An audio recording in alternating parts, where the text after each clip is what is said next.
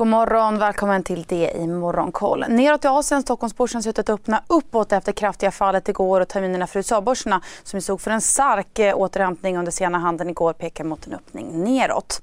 Men vi ska börja i Sverige. Vi har ju nämligen fått några rapporter under morgonen här idag. Dels från telekombolaget Ericsson som redovisar en omsättning på 71,3 miljarder kronor vilket var bättre än väntat. Det justerade ebit-resultatet på 12,3 miljarder var också bättre än analytikerna förutspått. Rörelsemarginalen kom in på 16 2,6 procent vilket även det var bättre än väntat. Man höjer också utdelningen till 2,50 kronor per aktie.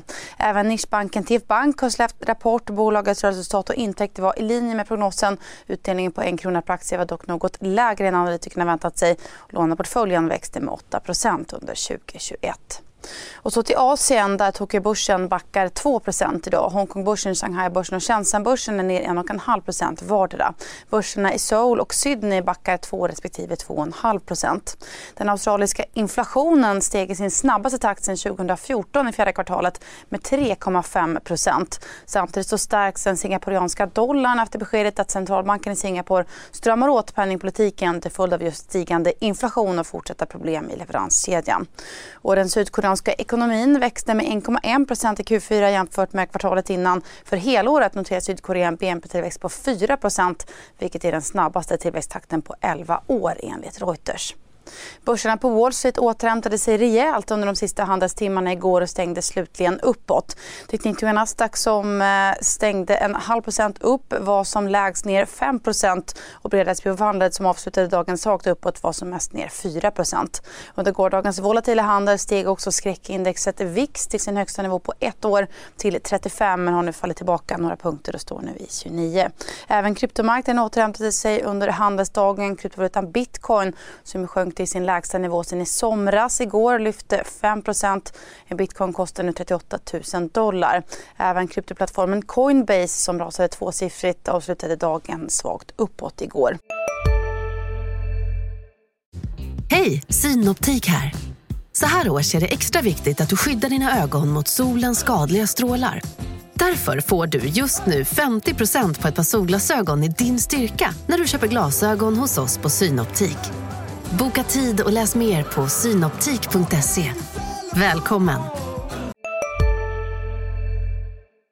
Bland elbilsbolagen så backade Tesla 1,5 Rivian var ner 1% och SPAC-bolaget Gores Guggenheim som ska ta elbilstillverkaren Polestar till börsen steg svagt. Sen toppen i höstas har dock Gores Guggenheim dock backat med över 33% vilket inte är bra för Volvo Cars som äger halva bolaget.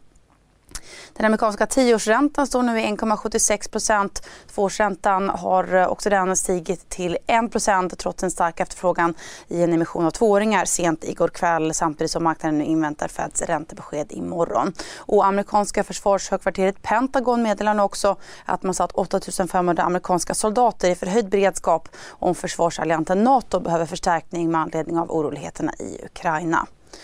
MTG säljer sin andel på 91,46% av ISL Gaming till Savvy Gaming för knappt 9 miljarder kronor. MTG skriver i pressmeddelandet att affären innebär en sammanlagd avkastning på 2,5 gånger den ursprungliga investeringen och att man har för avsikt att ge tillbaka minst 40% av nettolikviden till aktieägarna. Sportboksleverantören Kambi har, tackat, eh, har tecknat ett eh, flerårigt sportboksavtal med amerikanska Maxim Bet Avtalet väntas ha liten positiv effekt på Kambi intäkter under 2022. Och så har Sven Hagströmers investmentbolag Creades köpt ytterligare aktier i nätmäklaren Avanza för knappt 29 miljoner kronor. Även Avanza styrelseledamoten Hans Toll har köpt 2 650 aktier i Avanza för strax under 800 000 kronor. Martin Kunz har utsetts till ny vd och koncernchef i eh, fordonsunderleverantören Concentric och efterträder därmed nuvarande vd David Woolley som kommer lämna posten den 1 mars. Och First listade Goobit Group som är verksamt inom kryptovalutor med växlingstjänsten BTCX har upplevt en betydligt lägre handelsvolym i januari jämfört med genomsnittet 2021. Orsaken ska enligt bolaget delvis vara att SEB avslutat samarbetet angående bland annat betalningstjänsten Swish vilket väntas innebära väsentligt minskade intäkter och lägre resultat i innevarande kvartal. Idag får vi ytterligare ett gäng rapporter från bland annat Atlas Copco och Microsoft. Dessutom får vi tyst IFO-index över klimatet inom tyska näringslivet och så publicerar Internationella valutafonden IMF en uppdatering av sin konjunkturprognos. CSRD. Ännu en förkortning som väcker känslor hos företagare. Men lugn, våra rådgivare här på PWC har koll på det som din verksamhet berörs av. Från hållbarhetslösningar och nya regelverk till affärsutveckling och ansvarsfulla AI-strategier. Välkommen till PWC. Du har 86 missade samtal. Senaste samtalet togs emot... Att missa typ tusen kundsamtal, det är inte Telia. Att ha en molnbaserad växel som löser allt, det är Telia. Upptäck Smart Connect som gör ditt företagande enklare. Läs mer på telia.se företag.